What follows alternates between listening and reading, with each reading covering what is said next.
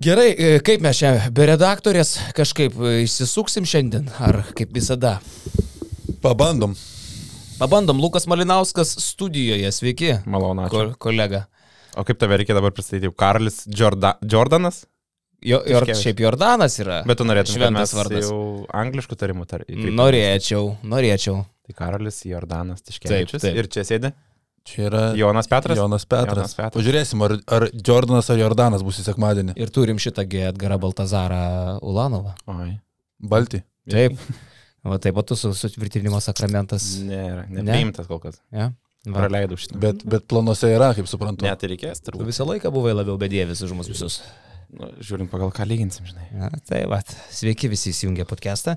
E, Basketinis podcastas šiandien e, laibūnė būna pradėtas, pradėtas nuo mūsų diti- ditirambų ir šlovės alėjos įrašo mūsų rėmėjų. Tai yra NordVPN, kuris yra ištikimas basketiniuso partneris ir jau dirbam kurį laiką. Tai NordVPN yra absoliučiai saugus reikalas ir mes vat, kažkaip mažiausiai tą akcentuojam, bet tai yra greičiausias VPN rinkoje. Aš nežinau, ar Miklovas tą yra sakęs jums. Nesu girdėjęs. Nesakė, tai va, žinokit, taip Nu, yra. NordVPN yra patvirtintas nepriklausomo IT saugumo instituto, kaip greičiausias VPN rinkoje, naudoja jį ir Gintaras Krapikas. Ir tai yra absoliutus saugumas internete, ne tik tai, kad e, jūs turit progą matyti užsienyje, sėdėdami visas e, Lietuvoje tik tai veikiančias transliacijas ar atvirkščiai, bet e, tuo pat metu, būdami bet kurioje pasaulio vietoje, jūs saugiai naršot. NordVPN galima naudoti šešių skirtingų įrenginių, o Basket Newsas, kadangi jau mes taip susimetėm su NordVPN, esam geri draugai, tai tuo pačiu turiu jums ir nuolaidą. Ir su uh, nuoroda nordvpn.com, pasvirasis brūkšnelis Basket News, jūs gaunat 73 procentų nuolaidą dviejų metų planui. Tai mėno kainuoja 277 ir svarbiausia, kad galima per 30 dienų, jeigu jums nepatinka, jeigu jūs užsišiko dėl kažko atgauti visus e, pinigus. Tai Manau, kad e, pasiekit Gintaro Krapiko pėdom, įsigykit NordVPN, nes NordVPN yra wow. Nu ir žinai, kaip vienas didis Lietuvos krepšininkas sako, NordVPN, NordVPN, NordVPN visur. Nesu net girdėjęs apie tai, kas Nu, taip yra. Didis pasakęs. krepšininkas Lietuvos. Didis krepšininkas taip ir pasakęs. Tarp kitko, kitas didis krepšininkas yra čia už nugaros. Ir man vienas garbingas ponas sakė, kad visai būtų gerai paversti šitą nuotrauką. Ir Tu čia, iš viso jį nuversi. ir čia galėtų matytis užrašas šita kepuraitė, va čia yra ypatinga. Bet man atrodo, kad čia ne ta. Žodžiu, paskambino man vienas mylimas žmogus Lietuvos krepšinio ir sako, Sabas turėjo kepuraitę, Mhm. kur buvo irgi hieroglifai, žinai.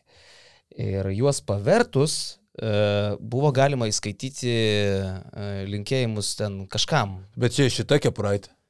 Bet nežinau, ar šitą Kaip tu pavertus. perskaitysi? Čia kažkokia kalba turėtų pas... tos Fuck. raidės? Nu, aš matau, fuck. Fuck yra? Yra. Aha. O kaip matai? A, žiūrėk, fuck. Reikia į šitą pusę. Ne, atvirkščiai, atvirkščiai. Atvirkščiai vers.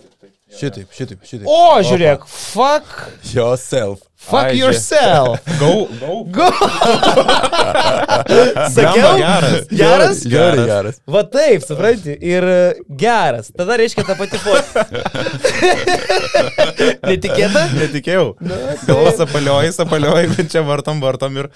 Ne, yeah, viskas, žinok, šabašiau, nes matau, nėra kabliuko. Reikia. Reiks dviejų. Buvo, naujų. nebuvo, bet va, jo. Visi galvoja, kad čia bilekas, o čia ne. Chinese, good, Chinese, good, Good luck hat. O čia paverti ir go fuck yourself. Labai gerai, tai va, nu, taip. Puikiai. Bet čia kažką reiškia ir kiniškai, ne? Ne, Ne? ne, ne, kiniškai nieko. jo, gerai. Imidžas.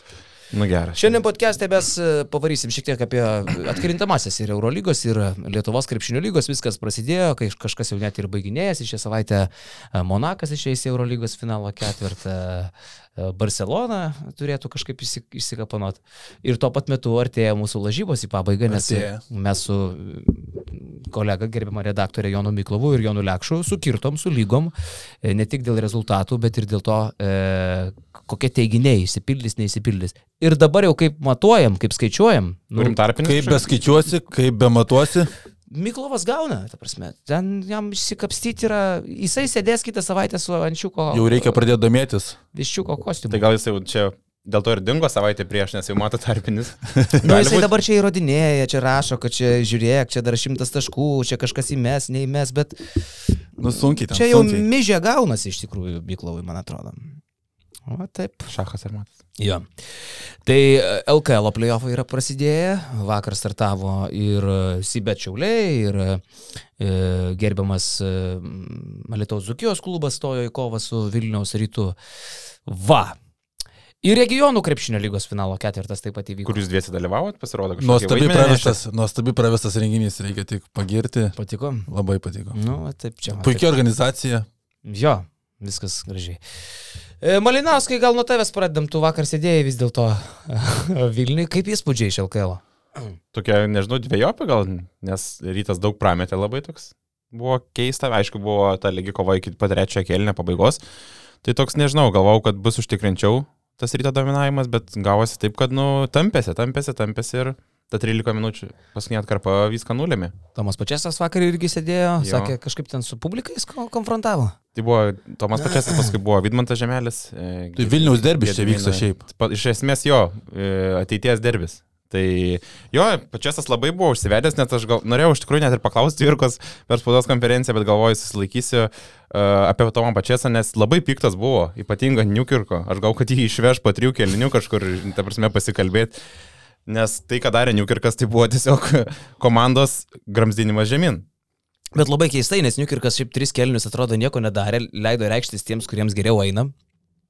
Ir tada kažkaip sugalvojo, kad jisai dabar užsims komandos gelbėjimu ir vienas pats ten trauks tą vežimą. Tai jis įmetė, man atrodo, 3 ar 4 metimus iš 15 vakar, jeigu kažkas tokio statistika. Ir Cvirka po rungtinių irgi sakė, kad, nu, maždaug jau čia kažkaip nesupratau, ką iš čia išdarinė. Net labai akivaizdžiai pasipiktimą išreiškė Tvirka, nes pats sakė, kad net nenorėjo, kad kamuolys atsidurtų pas Niukirką. Galiausiai vis tiek kamuolys ateidavo pas jį. Sako, nežinau, kaip, bet Niukirkas gauna kamuolį. Akivaizdžiai, akivaizdžiai pasipiktino ir sūriais dedamais, mačiau, cvirką. Ne, tas spaudos konferencija buvo neįlinė, jo, galim Šiaip biškai vesti. tas spaudos konferencija, manau, kad yra geriausia Cvirkos konferencija per LKL istoriją. Jo, kitoms spalvoms žyba žmogus. Pasižiūrim. Aš čia nu, ten kažkokį nafis sūrą. Lašinių papjausykit kaip. Pri, pridedas. Taip nervas ima dar čia. Parinant.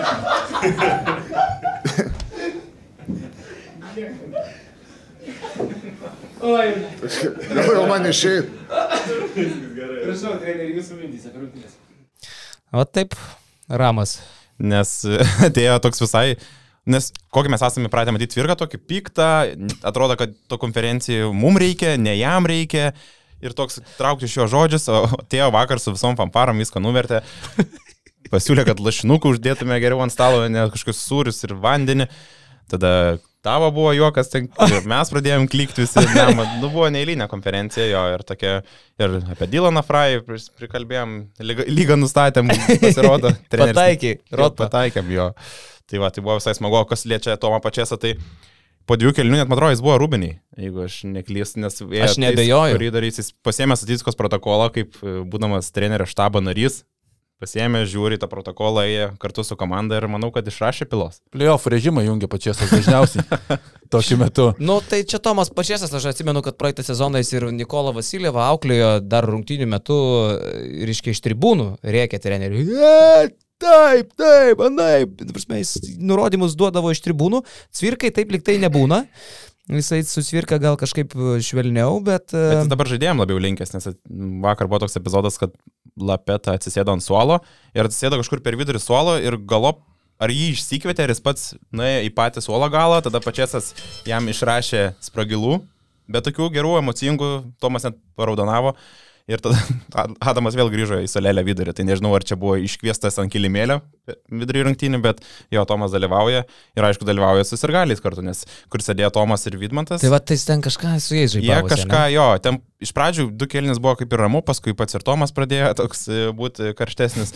Ir tada ir sirgaliai, kai rytas gaudavo nudingus švilpukus, tada jau galbūt per dantį traukdavo Tomą, Tomas žvengė irgi, žinai, tada kai Dzukijai naudingas švilpukas, jis atsisuka į tuos ir galius, ten grupelė vyrų sėdėjo, tai tokia buvo irgi kova tribūnai su komandos vadovu, tai visai smagu buvo ir gera atmosfera užsikūrė, kaip visą laiką ryto arenai, toj Nu, pats rytas, pats rytas tai atsileidęs buvo. Iš tikrųjų, matyt, kad čia tas e, tokia ramybė, kai nei viena prognozija nebuvo kitokia nei kad 3-0, e, šiek tiek mygdo ir patį ryto klubą. e, Žaidė, nors e, šiaip su Gedriumi Žibėnu nesutikau, jisai spaudos konferencijai sakė, kad pradėjome labai susikoncentravę ir jis džiaugiasi koncentracija visų rungtinių metų, bet, nu, būkim bet nebeteisingi, susikoncentravęs ir susikaupęs rytas buvo nuo trečio kėlinio vidurio iš esmės. Du su pusė, nu, į trečio pradžią dar bandė kažkaip įneštos gyvybės, bet kol realiai nepajutė, kad Dzukyje nepasiduos čia taip paprastai, tol jie nežaidė. Jie pavarą iš, ne, ne tik ten antrą, trečią, bet apskritai pavarą. Jie įjungė, sakyčiau, kad trečio kelnio vidury. Nu, ir aš manau, kad Zukyje sužaidė, žinok, geriausias rungtynės šitoje serijoje. Aš nemanau, kad jie gali e, dar atsilaikyti taip, kaip atsilaikė vakar 2,5 kelnių. Pralaimėjo tik 13 taškų skirtumų, tai yra geriausias Zukijos pasirodymas per šešias rungtynės šį sezoną su ryto komanda. Aš manau, kad čia yra lubos ir, e, ir su šita serija viskas yra aišku. Net patiems ne, krepšininkams nemanau, kad yra įdomi šita serija, tas jaučiasi. Ir faktas, ir čia rytas e, gauna tos dividendus, kai jie laimėjo reguliarių sezoną. Manau, kad jeigu būtų išėję ant Klaipėdos Neptūno, ten visai ką kitą matytume. Neptūnas parodė pasnės rungtynėse, kad gali žaisti ir visai kitolį jo komandai. Yra dzūkai, nu būkim bėdimi teisingi, bet šiuo metu yra silpniausia atkrintamųjų komanda. Apie tą Tomo pačias įėjimą, apie Rūbinę priminiai, tai dar dabar legendos eina, kuomet Turbūt Dzukija visų laikų savo istoriją buvo arčiausiai pergalės prieš Vilniaus rytą, kuomet Nerijus Varnelis rungtynių pabaigoje suklydo, tai O jie nėra laimėję, ne? Nėra, man atrodo, kad ten buvo paskaičiavę, kad eilę rungtynių nelaimėjo, ten buvo turbūt geriausias šansas laimėti, bet Varnelis suklydo, ten ir po rungtynių Tomas Pačiasas nuėjo į Rūbinę. Kirto. Ir man atrodo, ryto žaidėjai jau žinojo, kad Tomas Pačiasas atvažiuoja į Vilnių treniruoti, bet girdėjo, kas vyksta kitoje Rūbinėje, Alitaus Rūbinėje, tai sakė su didelėms plačiamis akimis klausėsi visko, kas ten vyksta, nes tas laukia jų po savaitės. Ja, ja. Nu, dar galim pasakyti, aišku, kad rytas neužtaikė, tik pirmą trajeką jie pataikė tre, ketvirtą kėlinę pradžioje, berots, tai 2 iš, de, 2 iš 20 nu, nėra tai, ką rytas demonstruodavo šį sezoną. Ir aišku, dar įdomu, kaip bus su tom, to Arno Butkevičiumi ir Evaldu Kairiu, nes Jo, bet sakau, ši, šita serija čia, čia net nėra ką kalbėti, čia yra 3-0 ir dideliais skirtumais, e, absoliučiai jokių šansų. Čia galim tik tai, žinai, pasižavėti tokiais fragmentiniais dalykais. Tarkim, mane džiugina Mindaugo Lukauskio stabilumas. Aš, žinai, sezono pradžioj dainavom jam dainas, nes tai buvo sezono pradžia. Bet atlaikyti visą krūvį, žaidžiant ten, ko ne vienas iš daugiausiai lygų žaidžiančių minučių, yra Mindaugas Lukauskis. Atlaikyti krūvį ir sezono pabaigoje dar ir ant kojų stovėti, ir tvirtai stovėti, ir trajekus šerti, ir su pražagom tai daryti. Na, tu savo, prasme, Mindaugas Lukauskis neturėtų. Aš e, su juo kalbėjau šį sezoną ir buvo tokių pasvarstymų, girdėjau tokių minčių, kad jis tikrai realiai svarstė baigti karjerą dar šį sezoną. Bet kažkaip atrodo neteisingai, jeigu Lukauskis e, dar taip ploždamas e, neįtvirtintų savo kaip rekordininko dar labiau. Ir kem 3, man atrodo, ir kem 4 jis dar galėtų ne tik žaisti, bet ir pakankamai gerai žaisti. Tai mes savaitgalį stebėjomės, kad tai kaip čia Justas Sinicas žaidžia Tadas Klimavičius, bet to tu pagalvoji, kad jiems e, Sinicai 36, Klimavičiui 39, pagalvoji tada apie Mindaugą Lukauskį, jis žaidžia Lietuvos krepšinio lygų ir žaidžia tokiu lygiu, tai tada supranti, kad čia jo yra kažkas neįtikėtino. Absoliučiai. Ir dar duojant doklę Mindaugui, tai atrodo, kad jam ypatingai rūpi šita serija ir komanda ir tos pergalės, nes ir aikštelį tokių spragilų davė ir komandos draugam tiek gynyboje, tiek polime po nesėkmingų epizodų. Mindugas kel, kėlė balsą vakar, jisai atrodo, kad jam labai rūpi šitą komandą ir nori pasi, pasi, pasikandžioti su rytu, tai žinai. Ir šitam žmogui toks, jau savotiškai jis yra nekartą sakęs, kad e, nori būti treneriu ateityje, savai įsivaizduoja tokiai roliai. Ir jis jau dabar yra savotiškas treneris, toks strategas, nesakau, vakar tikrai buvo įdomu žiūrėti jį, ypatingai, nu, smagu ne dėl to, kad nesisekė, bet po nesėkmingo epizodo jisai žaidėjams pirštų rodydavo, kur tu turi stovėti ar kažkaip su pasikeis ginamaisiais, tai tas, nu, smagu ir tikrai žavintis jo, jo tas pasirodymas šį sezoną. Jo. Tai va, o kitur daug įdomiau, Jonavoj tu irgi buvai nuvažiavęs. E, Sibetas su Šiauliais, čia, sakyčiau, šitą seriją aš prieš ją sakiau 50 prieš 50. Aišku, tie, kurie sako, kad laimės Šiauliai, jie duria pirštų į ilgesnį suolą, jie kalba apie tai, kad e, gynėjų grandį tarsi turi platesnė Antanas Reika. Uh, tiek taip pat durė į, į, į Virgio stovyklą, sako, kad jiems neužteks jėgų, jų yra per mažai, bet aš, aš turiu kontrargumentą dėl Virgio e, ir dėl to suolo ilgio. E, Šeškus su Rūdupiu e, daugiausiai pasiekdavo tada, kai jo suolas buvo dar trumpesnis turbūt. Iš esmės ir Europos taurė jisai žaidė su septyniais žaidėjais, septyniais, aštuoniais dažnai. Ir LKF laimėjo su tokiu Čia jis skaičiumi net per žaidėjų. daug žaidėjų turi. Čia jam net per daug, jam čia sunku. Devyni, devyni rotacijų.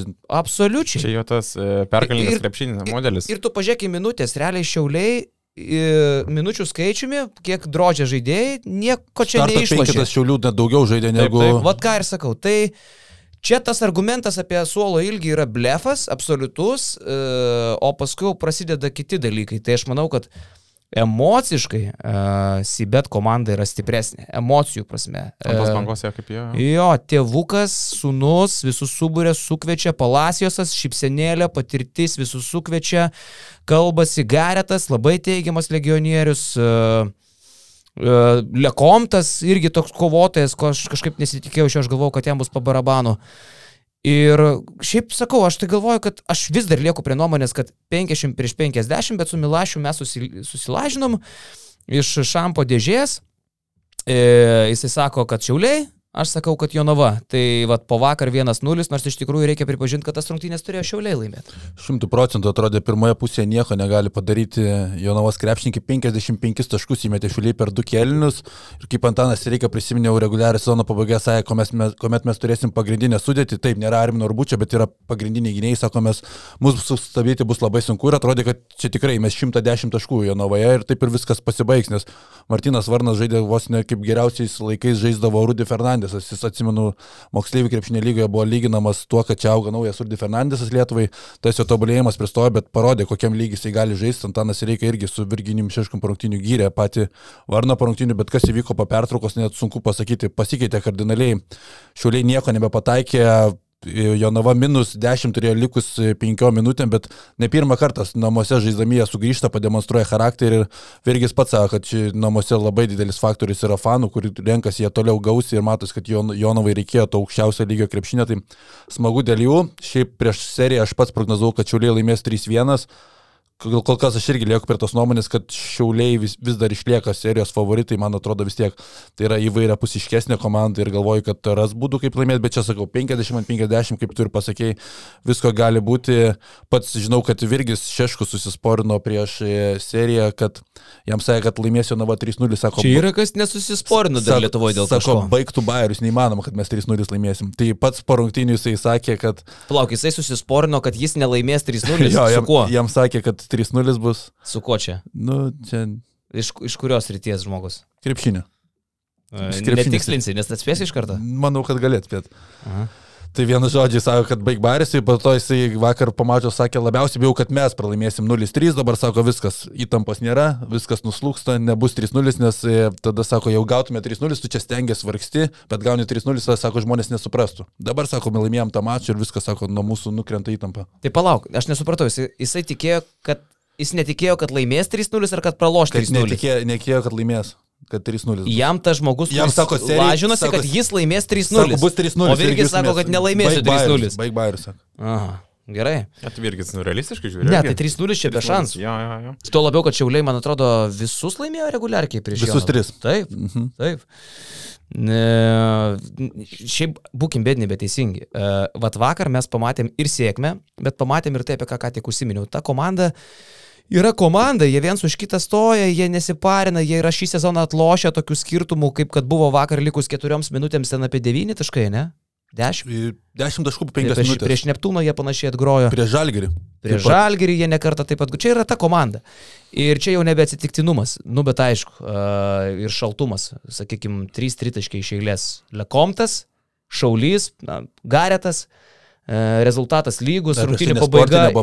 Jo, rungtynių pabaiga irgi ten, sakykime, daužosi Hebra malasi, bet e, a- akivaizdžiai šiauliai labiau nervinosi, akivaizdžiai šiauliai buvo labiau įsimušę. Man tik žinai, kas gale nepatiko, kai Sabetski buvo užfiksuota pažanga prieš Edviną Šešku, 50-50 pažanga ten to kontakto, tokio. Gal net labiau nebuvo. Gal labiau nebuvo. Ir tu sušilpi tokią pražangą labai labai abejotinai ir darant to viršaus duodi techninę. Nu, sušilpė, tai sušilpė tą pražangą, okei, okay. pem ant pem situacija, tai bet kam tada ant viršaus dar užmės techninę. Labai staigiai vienas pakito epizodai, nes, tarkim, nu, jeigu tos pažangos realiai ir nebuvo, Sabėtskis jautė, kad nebuvo ir tau sušilpė, tai ta frustracija, jinai vis tiek turi išeiti ir tada išėjo frustracija ir iškart techninė. Tu turi būti šimta procentų tikras, kad sušilpė gerai, kad čia buvo pažanga, kad tu duodi, duodi taip techninę. Ten nebuvo tos Nu, pažangos. Filipauskas yra sakęs, kai atsimeni, vad buvom dabar nuvažiavę su teisėjais pasikalbėti, kad uh, tą techninę jis turėjo duoti, nes tai būtų klaida neduoti techninės. Uh, labai aršiai šoko į akis, labai aršiai, tai nebuvo suvaldytos emocijos, labai aršiai. Atsimeni, Mes nežinom, pavyzdžiui, gal buvo įspėjimas, jeigu buvo įspėjimas, viskas ok. Manyčiau, kad atsimeni Kevanau uh, su Monako, kai lošė, gavo neaiškę baudą ir paskui iš karto Zdovsui kalė techninę. Nu turi duoti, nes paskui inspektorius įvertins, kad teisėjo klaida buvo neduoti techninės pažangos. E, Ir aš galvoju, kad ta techninė, tarp kitko, ten daug ką keitė, nes baudą tai pataikė Lekomtas už techninę. O Šeškus o abi už paprastą baudą Taip. nepataikė Šeškus. Taip, Tai čia, daug ką keitė tikrai. jo, Bet aš manau, kad čia bus serija labai, labai gera turėtų būti ir po rungtinių girdėjau, kalbėjo ir tarpusavį treneriai, ir vadovai kalbėjo, kad čia, sako, laukia ilga serija, ge... čia penkios rungtynės. gali būti tikrai. Tai kad nenuspėjama ta serija ir matosi iš mūsų spėjimų, ką mes viešai pasiskelbėm. Keturi Ne. iš devinių sako, kad laimės į bet. penki- Ne, 5-5. Penki, penki? Taip, Jo. taip. Aš penki- matau keturi prieš devynis dabar, kad tu atsidaręs. 5-5 užsibėt ir 5 už šiulius. Čia pozicijos. Ketvirta reguliarė. A, penki, penki. Taip, taip. Tai, Aha. tai 3-2 užsibėtui duoda, tu duodi, Miklovas 3-1. Spėja, kad Sibet laimės prieš šiulius. Nu, jis LKL nesidomi. Bet, žiūrėk. Dėjas spėjimo vis tiek. Taip, taip. Realu visai. Realu, nu viskas Tai realu, ok. Tai va, tai 5. Ir toliau Lekšas, aš e, tada Martinas ir Rokas Grajauskas sako, kad e, šiauliai laimės. O užsibėta tu, Jonas Miklavas Šuliauskas ir tada kas dar čia? Tomas Vanagas ir Klikna. Grajausko dar mačiau, buvo prognozija 3-2. E, Kad laimės, e, palauk, čia buvo su Neptūnu. Žalgeris Neptūnu. Žalgeris Neptūnas 3-2. 3-2. Nu, žmogus Nu, domisi. gerai, palauk, tai negali? gimtasis miestas, žinai. Taip, o mes, o mes visi daugiau skaudžiai, 3-0. Kad ir kaip. Ne, Ne. Bet tikimės kovos vis tiek, bet kaip. Aš tai sakau labai aiškiai. Kažkas. 3-0 Žalgeris Neptūnas, 3-0 e, Rytas Dzukija. Čia Iš manau, pasku, jo, net jo, iš paskutinių Žalgerio ir Neptūno rungtynių, va dabar galim perėti šiandieną, e, kitos dvi poros žaidžia, Žalgeris Neptūnas, Lietkabelis, Juvė, čia iš vis įdomu, bet Žalgeris Neptūnas, na, paskutinės rungtynės aiškiai parodė, kad Neptūnas, net Žalgeris nepataikydamas tritaškių tą vakarą, man atrodo, 2 iš 17 sumetė, nu vis tiek yra daug, daug geresnė komanda. Ir e, nėra jokių, va, jokių variantų, jokių. Ten Neptūnas dar neblogas rungtynės žaidė su Žalgeriu. Bet žinai, biški užsikrauna tokios, e, Neptūnas prastai žaidžia šį sezoną, ten matos, kad e, daugiau problemų yra negu atėjo Domaitis, viskas kaip ir turėtų gerėti žaidimas, kažkiek jisai pagerėjo negu buvo prieš tai, bet vis tiek matos, kad tie veteranai nebežaidžia tame lygiai, kokiu iš jų galėtum tikėtis. Aišku, psichologiškai tu užsikrauni prieš atkrintamasis, kai nugalėjo reguliarią sezoną nugalėtojus, nors jiems tai nieko nelėmė rytui tas mačas, bet pačiam netūnai supranta, kad jie gali vis dėlto žaisti tokiam, tokiame lygyje. Tai aš Nesau, kad čia bus į vieną kasą Žalgeris 20 taškų visus, visus tris mačius laimės, bet kad 3-0 bus aš irgi taip spėjau. Aš tai manau, kad absoliučiai vieną kasą, to tų rungtynių su rytų, tai iš vis neėmų į galvą. A, nepatinka, man labai nepatinka Neptūnas šį sezoną. Ta prasme, komanda, kuri nefunkcionuoja, gynėjų grandis yra turbūt prasčiausia, vis, e, prasčiausia gynėjų grandis atkrintamosiose. Kas turi prastesnę gynėjų grandį, tokią nepatikimą, tokią klystančią, taip prastai kamolį besidalinančią. Neptūnas nebereikalo turbūt yra daugiausiai klystanti playoffų Bet komanda. žygis jau reguliarkė sezono gale pradėjo judėti. Nu, aišku, ir žalgerio gynėjų grandis nežyba, ten nėra kam labai jau stipriai paspaust ir paprovokuoti tas klaidas, kurių Neptūnas mėgsta daryti, ne? E, Ne, žalgeris tai, žalgeris man šitose atkrintamosiose yra mega pažeidžiamas, bet ne prieš Neptūną. Aš vat nuo pusfinalio tada jau pradėsiu tikėti bet kurios kitos komandos šansais prieš žalgerį. Bet Pažeidžiamas, pažeidžiamas žalgeris. ketvirtfinalį ne. Aš sakiau, kai Maksvytis atėjo čia perėmė, kad visi sakėm, kad čia labai geras sprendimas ir toliau, bet kad kažkokia rizika yra paslėpta, tai faktas, ta prasme, netrodo, kad viskas taip lengvai ir sekasi Maksvyčiui sudėlioti šitą komandą, ne jo rinkta ir mes kalbėjome, kok- kokio žalgeris yra tikro pajėgumo ir klausimas, ar čia laimės LKL ir jeigu taip atsitiktų netyčia, kad žalgeris nelaimėtų LKL, tai, okei, okay, niekas prie kryžiaus Maksvyčio nekaltų, bet prieš kitą sezoną dar daugiau tų abejonių būtų. Ne tik būtų abejonė, kad Maksvytis prisijungs tik rugsėjo pabaigoje, bet abejonė būtų dėl to, kad Jeigu, šiemet sakai, nelaimėjo. jeigu nelaimėtų LKL, Taip. Visą laiką prideda tas tokio nepasitikėjimo, žinai. Ai, Turi rezultatą jau dabar. bet nebūtume šokiruoti, ne? Na, Nebūtų, manau, Nelaimi Žalgiris LKL. Nu, Tai nebūtų, ai, kaip, kaip čia atsitiko. Nu, Tai būtų tiesiog visų nesusipratimų fone dar vienas akcentas. Didžiausias turbūt akcentas.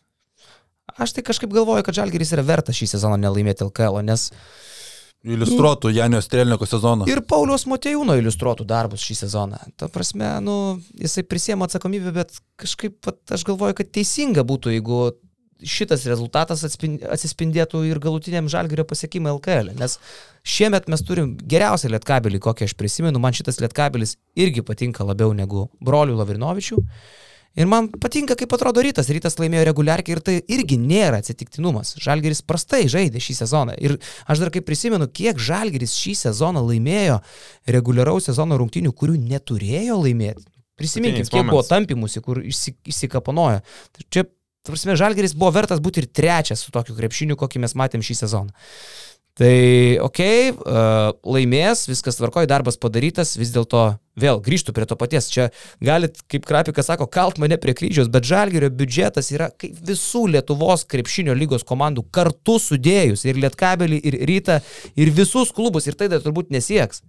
Tai Žalgeris net neturi teisės, turėdamas tokį didžiulį skirtumą piniginėje, turėti tokią situaciją ir nelaimėti lygos. Už tai man visiškai negaila būtų, jeigu jie praloštų ir aš, ir aš, norėčiau, aš norėčiau, kad šiame sezone atsispindėtų Žalgerio dalykas e, ir kad tai būtų dar vienu maksimaliu spyriu iš šikną kitą sezoną parodyti, kas yra kas. Jo, čia tavo geri žodžiai, pas mane irgi tas toksai noras, kaip ir būtų dėl tų darbų. Vienintelis galbūt liūdnas dalykas tai, kad e, tiek titulų LK laimėjęs Paulius Jankūnas baigtų karjerą su tokiu sezonu. Tai toks kartėlis tikrai liktų jo, jo ir karjeros pabaigai, bet iš esmės tai tikrai daug labai blogų darbų padaryti ir Jo. Ir šiaip, žinai, vat, čia galima net steptelti, yra daug žmonių, užkėtėjusių Žalgerio fanų, kurie, kuriem jau dabar dreba pirštai, jie rašo komentarą, ką, kokias aš čia nesąmonę šneku, bet pažiūrėti iš platesnio rakurso reikia. Žalgeris 11 metų, e, ar jau 12? nuo Nuo 20, tai jau, nu dabar jau 12 turbūt būtų. Taip, turbūt, 12. kad 11 iš eilės titulų yra, Jo. ne? Tai yra visiškai nebeįdomu. Absoliučiai nebeįdomu. Ir čia turim progą pagaliau turėti kažką įdomiau. Ir, nu, mažų mažiausiai, ko aš noriu, tai finalo, jeigu jame žalgeris bus, a, iki paskutinių rungtynių, maksimalaus skaičiaus rungtynių ir šanso toms komandoms, kurios kurios yra vėl penktokai prieš dvyliktokus. Ryto ten kiek 3 milijonai yra. 3 milijonus. Metų skolas turbūt Apie 3 milijonus. žaidėjams kokie Žaidėjam- pusantro 2 milijonai išleisti. 2? Net manau, milijoną, žinok, pusantro kažkas nu, tokio. prie žalgerio 7 žaidėjim. Lietkabelio milijonas 300 prie žalgerio 7. Nu tai prasivalykim akis, ta prasme, mes kalbam apie nelygės galimybės. Ir dabar yra proga mažiukams pašokinėti prie šitą grandą. Ne, tai ir gali, žinai, čia, ir gali ginti savo komandą ir kai tu Nu. kalbė apie ją ir kai sakai, kad nenori, kad, nu, nu ne, Aš nenorėtum, žinai. patenkintas, jeigu Taip, šiemet taip, būtų tai, tie metai, žinai, kai žalgeris. Mes iš profesinės pusės žiūrim į tas istorijas, į tas, kad būtų tas kitimas, žinai, nebūtų vienos komandos dominavimas, kad Taip. taip. būtų tokių dalykų, apie kuriuos būtų galima kalbėti, analizuoti, kažkokių naujovių, žinai. Tai taip, iš profesinės pusės norėtųsi, žinai, kad būtų taip biški įvairia pusiškiau, žinai, tas ne vien tik vienas, Ir vieno žinai, klubo dominavimas. Jeigu šiemet Žalgiris sugebės laimėti, toks Žalgiris šiemet laimėti LKL, nu tai aš tada neįsivaizduoju, kas turi įvykti, kad laimėtų ne Žalgiris. Aš apie tai ir LKL. kalbu. Aš būtent. neįsivaizduoju. Jeigu šiemet laimi Žalgeris, tai vadinasi vėl, kaip senais gerais laikais, po prastos Eurolygos, nusiplaunam rankas ir išeinam į vasarą su, nu, laimėjom tą LKL, žinai. Ne, Nes čia to- tai, tai nebūtų iki galo atspindys tok. Net nesu ta emocija šį sezoną Žalgeris e, su tokiais darbais. Vasarą praeitą nusipelnė išeiti iš sezono. Dešimtmečio blogiausia komplektacija ir kas dešimt metų gali pasitaikyti gal viena tokia klaida. Kas 10, kas 20 metų, nes taip kaip susikomplektavo su tokiais galimais pinigais, nu tai ta prasme aš manau, kad, sakau, jeigu šiemet Žalgiris laimė LKL, tai atrodo, kad laimės iki, iki pat pabaigos tą LKL, Nu. kol išeis. O ką, vyriukai, dar šiandien Juve su Lietkabeliu? Tai čia įdomu, man visai. Įdomu, įdomu, ne, ne, Nedas Pacevičius prieš Neną Čianaką. Man įdomu šitą dvikovą, man įdomu, kaip šitas vyras Nedas Pacevičius pasirodys. Man kažkaip visą laiką, kai atsiranda naujų... Nedas su Nenadu. Taip, kai atsiranda naujų tokių veidų tarp LKR, LKL trenerių, man visą laiką įdomu, kaip šitiem vyram pavyks užsikabinti. Ar aš norėčiau, kad, žinai, visą laiką noris, kad ta rotacija būtų tarp trenerių LKL, bet visą laiką mes turim tuos pačius veid- veidus. Nedas turi vieną šansą. Tai man įdomu. Jeigu jisai išeina į ketveriukę, aš manau, kad Juve bus tiesiog įpareigota jam siūlyti kontraktą, jeigu jis nukala šitą lietkabelį. Kad- Čia jam yra nemanau- gyvenimo serija. 27 metų treneris dabar va turi gyvenimo šansą. Jis jau gavo jį šiokį tokį, pasirodyti Lietuvai, bet jeigu jis nukaltų lietkabelį, ko aš neįsivaizduoju, kas turėtų atsitikti, Aš manau, kad ir Tai jis, prie, aš manau, jis liks treneriu. prie 3 3-2, manau, net jisai gal net liktų. Aš nemanau, kad visiškai yra tas vienintelis šansas jam tik tai likti treneriu, jeigu tik tai nukautų lietkabelį. Tai yra rinkoje, kur Tinaitis yra Kemzūra, neaišku, tų lietuvių gerų trenerių yra laisvų, tai tikrai čia tas pusfinalis sustiprintų jo šansus, dar nes, nesakau faktas, kad patikėtų jo Juve, bet, bet tada jis turėtų argumentą, bet šiaip įspūdingai iš tikrųjų, dar praėjusią vasarą Kūno Reunion 3 prieš 3 komandą Nedas Pacevičius treniravo, dabar treniruoja Utenos Juventusą. Ta, tave treniravo, taip Taip, sakant. jo. Tai tu gali apie šitą strategą daugiau pasakyti. Jo. Tai šiaip tai geras vyras, nėra ką daug ir pridėti. Ilgus metus jisai nuo 17 ar nuo 16 metų jisai šiaip pats e, krepšinį sportavo ir ganė- ganėtinai gerai žaidė iki tų di- didelių traumų, jam petis kelis kartus išnyro ir tada nebegalėjo tiesiog žaisti krepšinio, tuomet nuo 16 Jis metų. toks di- didokas šiaip. Tuomet nebuvo, tai po to nebegalėjo tiesiog sportuoti normaliai. Mm. Tai pradėjo asistentų dirbti nuo Tornado krepšinio mokyklos, po to asistentas Dzukijoje ilgą laiką buvo.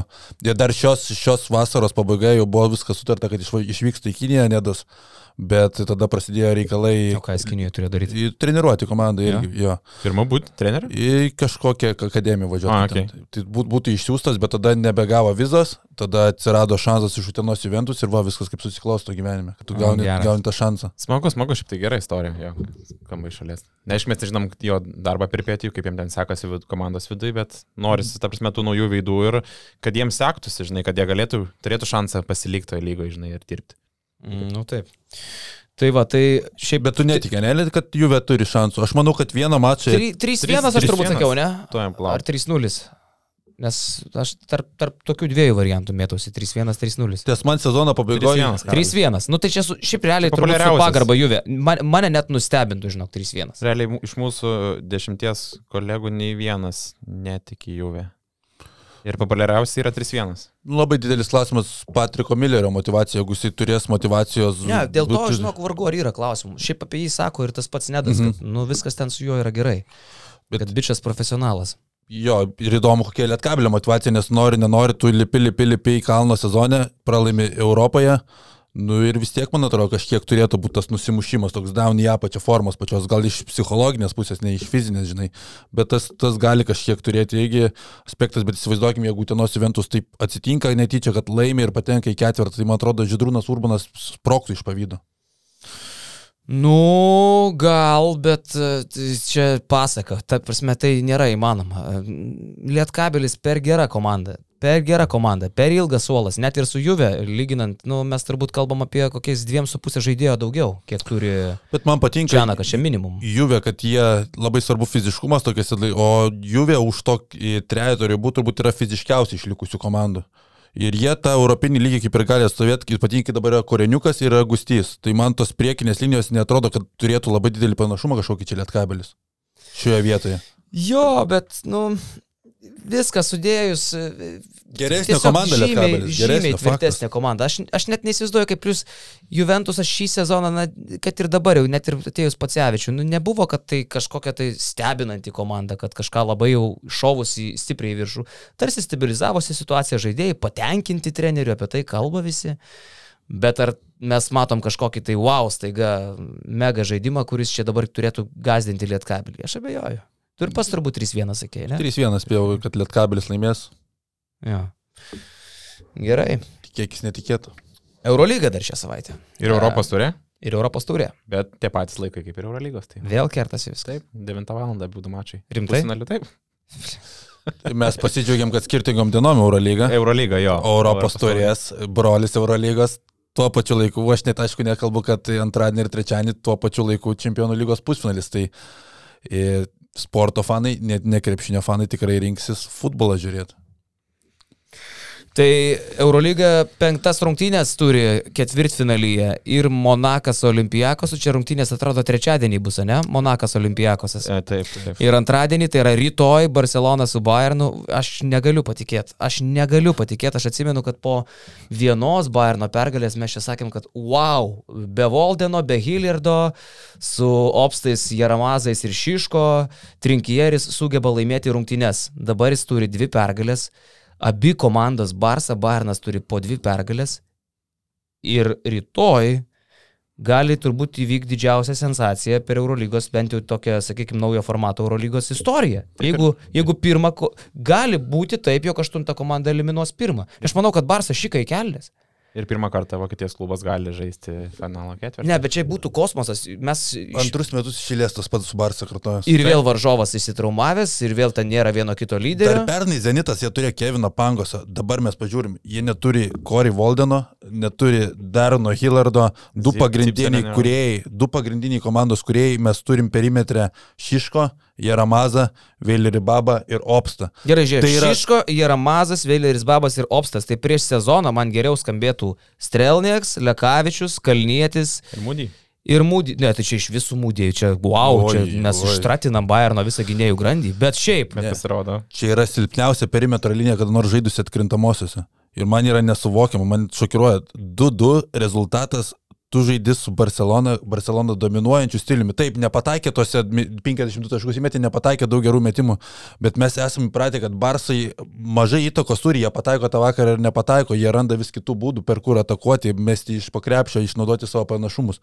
Bet Bayernas iškovojo dvi pergalės. Barcelonoje parodė, kad gali polimu laimėti prieš Barceloną, įmestami 90 taškų. Kitą kartą laimėjo gynybą, 52 praleisti taškai. Ir man sunkiai paaiškinama, galbūt prieš seriją kažkuo panašu galėjo būti 2-19 Žalgerio playoffai Fenerbakčia, nuostabi komanda su Kauno Žalgeriu, kuris per akto skilutį iššoka, 8 vietą užimdami. Ir tuomet vieną kartą laimėjo Žalgeris Stambulė, namie neturėjo vilčių, nu, pasipriešino, bet 3-1 gal, bet tuomet Žalgeris turėjo pilną sudėtį. Mes išimkime iš tos komandos Mario Grigonį ir Neitą Voltersą, ką mes turėtume iš to Žalgerio. Artūrą Milaknį, Tomasą Volkapą ir Leo Westermaną. Tai man čia neįtikėtina, kaip Barnas sugeba kovoti ir nueiti iki penktų rungtynių. man tai labai įdomu, kaip Myro atrodys rytoj. Nes dabar jau tikrai, dabar jau tikrai situacija dega. Realiai.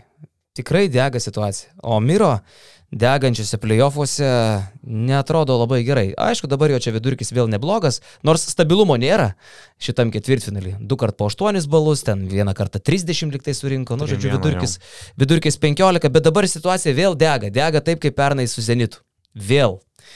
Tai aš nesu tikras, ar Barsa dabar nebus gerokai prikrovus į kelnes. Mes kalbam apie tai, kad Bayernas, Bayernui taip rankos neturėtų drebėti, šiaip jau. O ko jam čia labai nervintis? Nu taip, e, pralaimėsim Barcelonai 3-2. Ai, ai, ai. Jeigu Barcelona pralaimi Bayernui 3-2, Tai Paulius Matijūnas gailisi, kad Kazį Maksvitį pasikvietė. O Šarūnas Jasikevičius manau, kad gauna pagaliau rimto spaudimo iš Navaro ir kompanijos. Tikrai taip, tai ta prasme, tu kalbėjai apie Vilniaus rytą, Lietuvos Zukiją, tai čia panašios situacijos, ta prasme, koks yra Müncheno Bairnas atėjęs iš šitas atkrintamasias, tai, nu, atrodo Ne, nu neįmanoma. gal negali taip jau sakyti, kad žinai, Barsa 40 milijonų komandų, ko, kokia visa Jo, komanda bet, skirs. sakykime, Higginsas ten pusantro lemo kainuoja, nu jo nėra, ne? Nu, Ten, negali tiesiogiai lyginti, bet aš jo, sakau, lygiu Bayernas, skirtumai. žinai, Lučič, Rubit, nu puikiai atrodo aikštelė, žinai. Bet taip, šiaip iš esmės pirmą ir aštuntą komandą. Ir, ir tai dar aš galvoju, kad Bayernas aštuntą, bet žiūrint į jų sudėtį, buvo geresnių žemiau esančių. Tik tai, kad jie, nu žinai, Taip, taip. per sezoną susidėliojo taip, bet tuo metu, bet šiandien dienai, man ir Feneris atrodytų stipresnis ir, ir, ir ta pati Baskonija už, tą, Man sakau- šitą Bayerną. Du gynėjai pagrindiniai, Hillardas ir Voldenas nėra. Nu, šita komanda pasižiūri, Jaramazas, pirmas sezonas Eurolygoje, Žanas Šiško, mes tik per tavo protmuščius pirmą kartą žinojom pernai, kad yra toks žaidėjas Žanas Šiško, dabar jisai gal gauna žaisti, okei, okay, bet Veileris Babas taip pat ilgą karjeros dalį žaidė ir ketvirtų numerių trečių, dabar jis į žaidėjų yra statomas. Nu, yra fantastiška, kaip Andrėja Trinkeris sugeba tvarkytis čia. Kaip Dešon Tomas juda, ką? Nu, Prieš buvusią komandą. Nu. Leon Radoševič. E, neaišku, ar tai krepšininkas, ar tai mitas. ryte žaidės. Otelo Hunteris. E, gerai, kad dar, be, kad dar žaidžia žmogus. Nes Pagarba už tai. tai atkalbėjo nuo karjeros pabaigos, jeigu aš teisingai prisimenu. Bet šiaip iš tikrųjų, va taip ginklus įmė, ne? Šanly su Deivisu prieš Otelo Hunterį ir Leoną Radoševičių. Miro prieš Augustiną Rubitą. Nu. Nu, gal tre, tre, trečiam numerį dar Barsas, Barsa prieš, prieš Lūčičių neturi tokio, sakykime. Nikas Kalatis prieš Žaną Šiško. Jo. Ir aš tai manau, kad čia viską, viską lems psichologija. Jeigu Barsas susitvarkys su tuo, jeigu Šaras sugebės kažkaip tai atpalaiduot, gal taip sveikai atpalaiduot, koncentracija mega, bet, nu, nes, žinai, nu, su tokiu spaudimu susitvarkyti, tai čia dabar jau reikia rodyti balsus. Jeigu tu Eurolygos čempionas potencialiai, kaip atrodė visą sezoną, tai va dabar reikės tą įrodyti rytoj. Nu, pernai mes galime atsiminti tas pats, buvo didžiulis spaudimas pradėta kalbėti apie mega sensaciją, bet Barsa ten sutriuškino varžovus ir nu aš netikiu, kad jų nebus finalo Čia, čia ketvirtį. Nesąmonė. Čia atrodo neįmanoma, nori, nenori, jie pateks į tą finalo ketvirtą. Ir jeigu tu laimėsi Eurolygą, visi ir pamiršia, faktas, bet nu tokie, tokie žaidimai, tokie, toks sunkus ant, antrus metus išėlės besikartojantis scenarius atkrintamosiose neįtikina prieš tos playoffs, kai mes čia kalbėjom po reguliariaus sezono, kad čia Barsa akivaizdi favoritė šiemet laimėti Eurolygą, tai nu man nemanau, netrodo. Kančia, kančia. Nu, Monakas Olimpijakosas. Ten ką, kančia, kančia nekvepia. Ten labai gražu buvo, net atvyko. Aš labai laukiu. Aš labai laukiu penktų rungtynių, bet jo, galima apie svečią. Kevin Durant. Ir aš kaip džiaugiuosi, kad jisai atvyko ne į Müncheno, į Monaką, nes tu sakau, porą kanalų pažiūri atgal, kaip sunku tas krepšinis, kokia kančia, kaip čia sunku. Gimdymas. Perjungi du, du į priekį, tu gali pasirodo džiaugtis šitų žaidimų. Tai ten tikrai smagu, jau Monako iš viso tai smagu žiūrėti tą krepšinį, Kevinas Durantas apsilankė mega, turbūt ryškiausia žvaigždė, kada stebėjusi Eurolygos, Eurolygos Krepšinė, rungtynes. taip, jo. jo. Nu, Sabonis gal yra sėdėjęs. Sabonis ir Durantas, nu jo. Ne, nu šiaip, nu, tipo, Tai ar, man tai Sabonis Europoje atrodo. Vat kas daugiau Ne, dėmesio tai Europoje? Europoj. Sabonis ar Durantas gauna? Aš tai manau, tiek žinau, Durantas. apie pasaulinį Europoje, sakai? Manau, žinok, vaikams. Nu jo, Prancūzijoje, okei, okay, sutinku. Vis dėlto ten Sabonis nieko nevaidina. Kokioje Ispanijoje Sabonis Arvidas sėdėtų? Lemba. Ne, apie Keviną Durantą. Ne, žinok, nuėjus tą kartą, nuėjus tą kartą, kur Sabonis, nu aišku, žinai, Sabonis didis žmogus, tai aišku, visiems tau. Nu, mano tėvą. senosios kartos. Mano tėvą, pavyzdžiui. Sakysiu, važiuok, Durantas. Nu, tėvui, nu, žinai. Važiuok Sabonis. O, Sabonis. Prisimenu, geri laikai. Nu. No. Pirty gal kažkada matėmės. Tikėtina. Tikėtina Kauna, taip. Taip. Tai va, nu, kalbant apie Durantą, tai, nu, didis svečias, Džeimso draugelis, ne? nu, pasirodo, jo. Nu, nors jie tik trumpai žaidė praeitą sezoną kartu, žinai. Ir čia tokį užkvietė. Suvaibino, reiškia, Suvaibino. Ir aš galvoju, žinai, kad čia bus tik tai tarpinė Duranto stotelė tarp, žinai, nes dažniausiai NBA starai arba kiti žymus žmonės po savo darbų, po sezono dažniausiai šauna į Graikijos salą Mikonas. Ir aš galvoju, čia bus tarpinės stotelės, stoja Monako, žinai, pažiūrim, nu, buvusią bendražygio e, rungtynės. Taip, ir šauna- irgi į Ir šauna į Mikoną, žinai. Dabar pasirodė pranešimų, kad Durantas nori ir penktą grają atvaryti, žinai. Nu, blemba, jį turėjo sužavėtos rungtynės. 7, Taip. 8, 7, 7, dar Lukas galėjo metimų išplėšti pergalę. Tai realiai dar ir pamatė tik tai tą dalį Euro- Eurolygos grožio, nuvažiuos į priejų. Jeigu nuvažiuos, ten ta atmosfera vėl kitokia. Ne, ne tam gargarė, mažam, žinai, kur kas O susikūrė. Jėzus, kas darysis taikos ir draugystės Ten dabar? apsaugos ir manau reikės ir visko daug daugiau. Jeigu, sakykime, per pirmus du mačius ten buvo viskas raudona, visi raudoni, tuščių vietų nėra. Tai dabar penktos rungtynės. Aš įsivaizduoju, po kiek jie bilietus pardavinėja. Ar tur, Jau išluoti, man atrodo. Iš anksto turbūt pardavinėjo, tai gal labai šabaš. neužsikėlė kainos. Bet... Wow. Tai iš anksto nepardavinėjo. tiksliai nebuvo aišku, taip, taip. Nuo abonementų turbūt daug. Nu, šiaip tai įdomu, kad, nu, Eurolyga tai vėl turbūt nepasistengė daugiau e, išpešti iš to turinio. Aš tai jau net nebesuku apie tai galvoti. Ai, tu apie Durantą? Nu, Taip, taip, taip, taip. E, Kad, nu, blemo galėjo kažką bent jau pasikalbinti, žinai, bent jau kažkelius sakinius iš jo ištraukti, aišku, tos emocijos užfiksuotos. Net aš, kaip žiūrėjau tos rungtynės, nu, norėjęs daugiau tų Duranto, žinai, galvojau, blembo, negi tikrai praeis Durantas pro šoną ir nebus parodytas, bet aišku, kelis kampus pagavo. Ten vien galėjai tiesiog kamerą, jeigu žinai, kad atvažiuoja Durantas, galėjai kamerą nusamdyti vienam Durantui ir tiesiog išleisk video klipą į Facebook'e ir ten YouTube ir, nu, tiesiog įstrendins. Aš- Tur, turbūt laiko daugiau buvo parodytas Justinas Senkevičius, kaip jūs stebėjo rungtynes, jo. negu Kevinas Durantas. Nu, ir ką, Su Žilvinu Stankievičiu, Taip. atsiprašau. Su Žilvinu, tai. Taip. ką Eurolyga išsileido. Žilvinas Stankievičiu rodė dažniau Monakė. Už Keviną Durantą. Taip.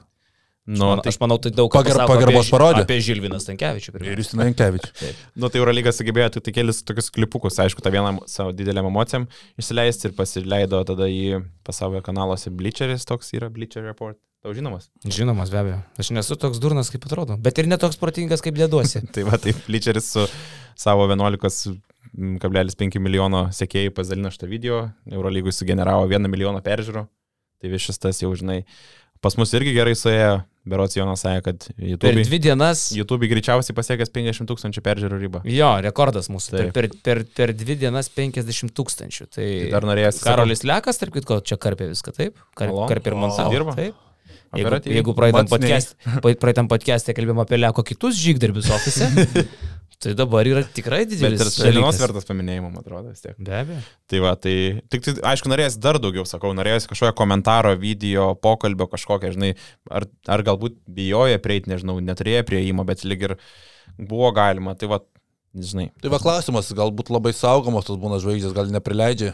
Ne, bet žmogus, jeigu atėjo į parketinę eilę, tai gali, aš nežinau, gal ir Eurolyga bandė, gal tiesiog ne, nepavyko. Na, nu, čia ne, neprispėliosim jo, šiaip jo, bet šiaip norėjau, sakau, daugiau, aišku, tas, kas išėjo, tas išėjo, norėjau, kad, nes čia kaip ir Jonas rašė, kad čia tiesiog tau lengviausias marketingas, tiesiog tu daryk kuo daugiau klipų, kad kuo daugiau Amerikoje pasklystų, kad tokios žvaigždės lankosi Eurolygoje, Europos turnyre, kad Europoje vyksta toks grajus, žinai, tok, tokios geros emocijos, tokios, toks lygis ir kad pritraukia tokio, tokio žmogaus dėmesį, tai visai įdomu. Tai galim ir, nežinau, prieiti prie mūsų, prie mūsų topo. Ai, Malinauskas e, pasiūlė prieš podcastą, sako, "O ką galėtų LKL per pažintis žaidėjai, treneriai pasikviesti į atkrintamasis. Tai pasidėliojom po penkis, ne? Nu, aš turiu keturis, turbūt aš manau, kad sutaps kai kurie. Gerai. Nu tai pavyzdžiui, tavo e, penkta vieta e, pagal pažintį LKL atkrintamųjų žaidėjas, kokį NBA krepšininkai tribūnas galėtų pasikviesti. Aš nebūtinai iš LKL atkrintamųjų komandų. Bendrai iš šio sezono LKL žaidusių legionierių, e, krepšininkų, kurie... Ne, tai kaip tau pakvies koks nors e, Amaras Syla, kokį NBA žaidėją, kai net nežaidė, ko jam važiuoti? Ta prasme, šiaip pasi, pasimėgau, bet yra vienas geras dalykas, aš pamatysiu, dėl ko aš šitą nu, sąlygą išplėčiau. Ja. Tai gerai, pas mane toks e, mažiausias staras yra Janės Trėlininko pažintis su Patriku Beverly. Patrikas. Beverly žaidžia Minnesota, Olimpijakose? jie kartu žaidė Sankt Peterburgė. Ok. 2011-2012 metais ir tada Beverly turėjo tą gerą sezoną, jis tapo 12 metų e, Europos turės MVP. Nu ir po to jis išvažiavo į Houstoną ir nuo to užsisuko jo tą vėl karjerą NBA. Tai va, aš galvoju, kad Janis galėtų paskambinti, hello Patrick, you want to come? Tu turi šiaip čia kažką? Ne, aš paklausysiu jūsų. jūs Aš tokį netikėtą jums turiu. Aš kaip e, senas e, krepšinio iškrypėlis, aš, pažiūrėjau, Antanas Ireika, pakvieščiau pakviesti Jūtą Tabusę, pirmą Japoną NBA. Toks 1,74 m, atsimeni, NBA tik Mhm. jeigu loždavai. Ja, ja. Tai Jūta Tabusės Ireika treniravo du sezonus Japonijoje.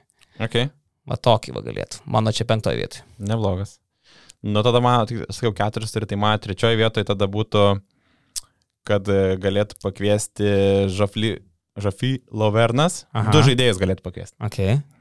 iš e, 2016-2017 sezono Čikagoje Dvieina Veidą. Jie kartu žaidė, tai žinai, turi santyki. O gerai. Ir neblogai Ža- e, Žafry žaidė tada Čikagoje. Nikola Radičevičių turi įtraukęs. Ne, nes aš nesuradau jokių kampų. Radičevičius yra turbūt su daugiausiai garsiausių jo. žaidėjų žaidęs LKL krepšininkas. Jisai vien Ispanijoje Real Betis komandai ne vieną sezoną žaidė su Nachbaru, Porzingiu ir Ai. Tomašu Aš Satoranskiu. žiūrėjau, su kuo žaidė NBA, žinai. Tai- tie žaidėjai, su kuo žaidė NBA. Nu, bet čia tipo, jo, tai Nachbaras, Porzingis, Satoranskis, Radičevičiaus draugeliai.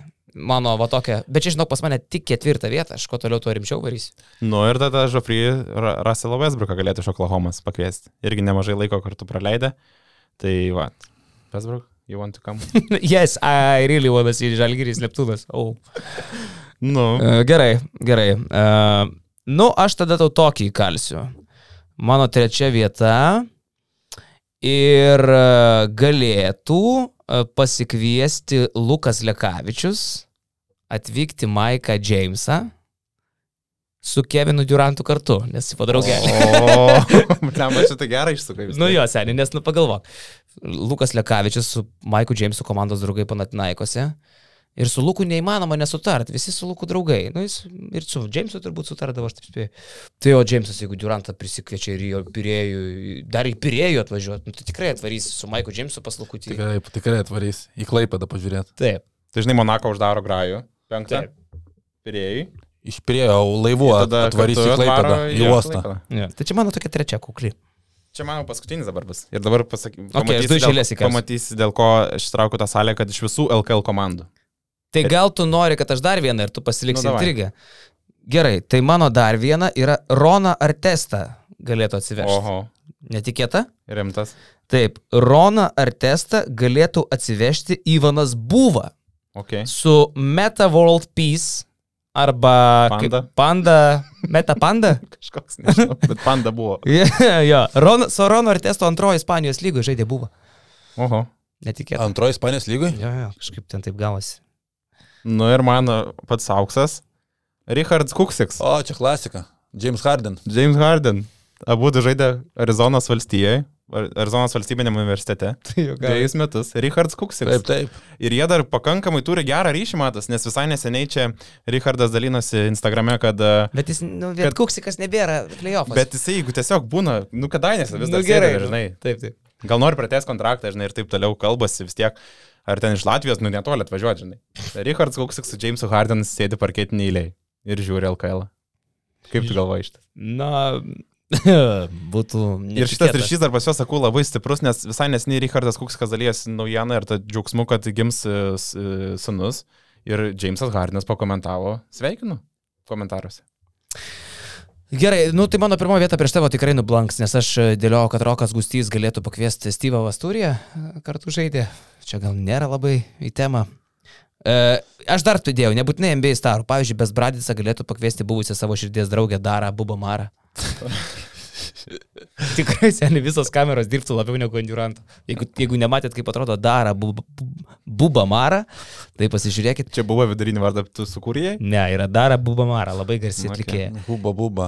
Ir, nu, čia man buvo lengviausiai pasiekiamas vaisius. O Virginijų Šeškus brolius Bolas galėtų pasikviesti. Čia geras. Taip. Su visų tėvukų prieš akis. Skambina tėvui. Šiaip nutrūkęs jau to šau, nežinau, net nebėra Facebook'e, nebesitransliuoja. Nu. Tai va. Ką vyrukai masto Monako olimpijakos? 3-2, aš sakau, Monako. Nu, tu sakai Monako, aš sakiau, Olimpiakas. aš sakiau Oli, viskas pagal mūsų planą. Kaip tu sakei, kaip aš sakiau. Ne visai, nes tu sakai, kad du, 2-0, du 2-2, grajai bus taip, laimėti taip. Pirėjaus Pirėjuje, du Monako Monake, bet abi komandos parodė, kad namai išvyka jiems nesvarbu. Jo, ir žinai, taip žiūrint objektyviai, tai atrodo, kad tai Olimpiakos yra sistemiškai stipresnė komanda, tos patirties žymiai daugiau atkrintamųjų turi visas Olimpiakos, bet kuomet tu atsieini į penktas rungtynės ir kitoje yra aikštelės pusėje Dveinas Baconas ir Maikas Džeimsas, tai jau tada yra 50 prieš 50 ir tu negali nuspėti, kaip ten bus, nes e, Dveinas Baconas tai padarė tą nesąmonę rungtynių pabaigoje, kur Slukui suteikė labai gerą dar metimą išsimesti tą tritaškį ir laimėti rungtynės. Taip. Bet prieš tai Dvienas Baconas žaidė Kevino Duranto stiliumi, NBA krepšinis izolacija, visą tą sezoną jisai daro vienas prieš vieną, veidų į krepšį, nugarai krepšį metimai, perdimo mygtukas pas jį išjungtas, jo nėra tiesiog metimas, bet tai yra veikia, tai yra Monako žaidimas, jis yra nuvedamas į geras pozicijas, atakuoti krepšį, tokius metimus jis pataiko ir iš Bacono metimų tu jau nebegali stebėtis, nes tai yra jo žaidimas. Paskutinė ataka irgi buvo Bacono atiduota ne Maikui Džeimsui, nes matys, kad Džeimsas šlupčiojo, nuėjo į aikštelės kraštą ir nelabai norėjo prisimti to kamulio, bet, bet sakau, Maikas Džeimsas ir Dvienas Baconas neįtikėtini polimo talentai, kitoje aikštės pusėje Kostas Lukas irgi nuostabią seriją žaidžiantis, bet Atsimeni, kaip Baconas atvarė į Monaką, netgi atrodė, kam čia jo reikia. Toks atrodė, kaip per daug žmonių. Atrodė, kad Bet dabar viskas... Alfa Dialos nėra. Irgi labai svarbus žmogus Bet jiems. net jeigu ir būtų Alfa Dialo, ko gero, kad Baconas žaidimas dėl to nesuprastėtų. Bet tuo metu, kai tik atvažiavo, atrodė, kad, na, ar čia tikrai reikia kažkokio tokio neiškaus iš NBA, mažai patirties Europoje, ne? Ar buvo iš vis patirties? Ne, jis, ne, jis iš Orlando Magic atvyko. Nu, tai va. Tai jau tai įsivažiuoti namo, bet išvažiavo pirmas Mitrovičius. Nu, Baconas liko ir liko iki galo ir gali tiksliai, išeiti. į dar buvo žaibai, ten visą kitką. O dabar be Bacono apie Final Four kalbos nebūtų. Tikrai ne. Man tik keista, kad Olimpiakos turintis tokį aišku pranašumą po krepšių, taip falą prastai išnaudoja, atrodo, turėtų būti daugiau jo žaidimo nugarai krepšį, Donatui Matijūnui super sudėtinga serija, ten Vilas Tomas priekinį liniją yra tikras atkrintamųjų žaidėjas, dar kartą įrodinėja pernai su Zenitu, šiemet su Monako, bet e, falas per mažai išnaudojamas ir realiai visą, visą vežimą Olimpiakos laiko Lukas, Vezenkovas ir fantastiškai Tomasas Volkapas atrodo šioje serijoje. Liuks, rimta savaitė. E, gal dar visai pabaigai, Malinauskai, kaip supratau, tu turi kažkokiu tai liūdnų naujienų apie Ekinstą? Apie legendinį, legendinę? Lietuvos salę. Tai čia Viskas, tikrai jau šabaš. sunaikina? O kodėl? Girdisi, kad jo, gegužės pirma buvo paskutinė diena, kada, mm, kada turėjo komandos įsikraustyti, žinai, kas planavo žaisti, turėjo užsibaigti ant savo visus pasirodymus ir girdisi taip, kad Kinsta bus nugriauta.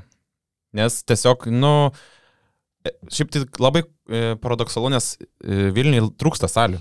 Yra daug norinčių žaisti, neturi kur žaisti, tas, tas kainos irgi išpūstos, nes yra didelė paklausa, pasilos mažai. O su Akinsta yra taip, kad jin kurį laiką jau buvo nuostolinga, nes ir didelis aptarnaimo mokestis, turiu menį, kad administruoti sunku, ten reikia ir vandens, vandenį šildyti. Nes atsimenu, kai mes žaidėm berots, ten salę prišildė ne vos net su dujiniais tais. E, šildytuvais. Tai kad ten šalta buvo. ten. Žiauriai šalta, Mhm. nu, ta prasme, tai buvo turbūt žiauriai šalta, mes, kad atėjom, vis tiek dar buvo šalta, bet ne taip, ne minusas, tai va, tai O Jėzus, Ekinsta tokia legenda, žmonės apie tą šaltį ten kalbėjo. Taip, ir dabar kalbėjo sako, kad daug kas skundžiasi, kad kas ir nuomojas, tikisi šilto vandens, kartais nėra ta šilto vandens, ten teisėjai irgi, nu, tai dėl to girdėt. reikia nugriauti, negalima Ne, tiesiog- tiesiog sutvarkyti. Net tie, kas administruoja, kam priklauso ta salė, Aha. tiesiog nebenori turbūt investuoti, nes daug reikalų yra su ta salė. Tai dabar girdisi taip, kad nu, jinai bus nugriauta Lidlas. ir ten bus... Buvo šiaip tai įvairių versijų, buvo, girdėjau, trys versijas. Gali būti pramogų zona. Tai vietai. Bet pasirodo, paskui pasikeitė planai, ar tai gal tokia nebuvo, bet tiesiog, ką girdėjau tiesiog, paskui, kad bus uh, gyvenimo kažkokia... Uh, gyventi žmonės galės, ar tai būtų, tai bus Namas, kažkas na. namas, kažkas, žinai. Dabar girdis, kad bus loftai. Okay. Trečias projektas, tai va, tai esmė tokia, kad uh, šitą salę šabašiau. Ir O dieve, kokia legenda, Tony Parkeris svečia. Tarp kitko, Robertas Petrauskas pačias pirmas rungtynės, man atrodo, LKL ten komentavo, jeigu gerai pamenu, sakalai. Ir mano, tarp kitko, vienas pirmųjų rungtynių ten komentuotojų irgi buvo LKL, gal net ir pirmas, gali būti ir taip. Jo, jo. O dievuliau. Ekinsta out. Aš žiūrėjau, kad Skais Grys įsikėlė nuotrauką, kad jau ten kažką tai viso gero. Aš Jo, galvoju, jo, kad pas jis šiandien šiaip, kažką pašmaikštavo jo. jo, bet pasirodė tiesa ir liūdna, bet Nu kas čia? dar, dar vienos salės nėra.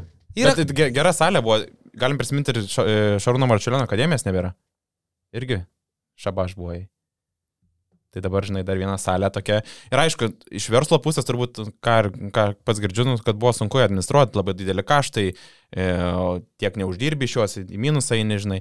Tai dabar daris verslas tai, kas yra naudinga ir kas neša pajamas. Tai va, tai ir artimiausiu metu turėtų, turėčiau tekstą. Kad ji labai apleista jau buvo. Taip, žinai, taip. Nėra ką labai. Bet smagu, kad mums dar teko pažaisti.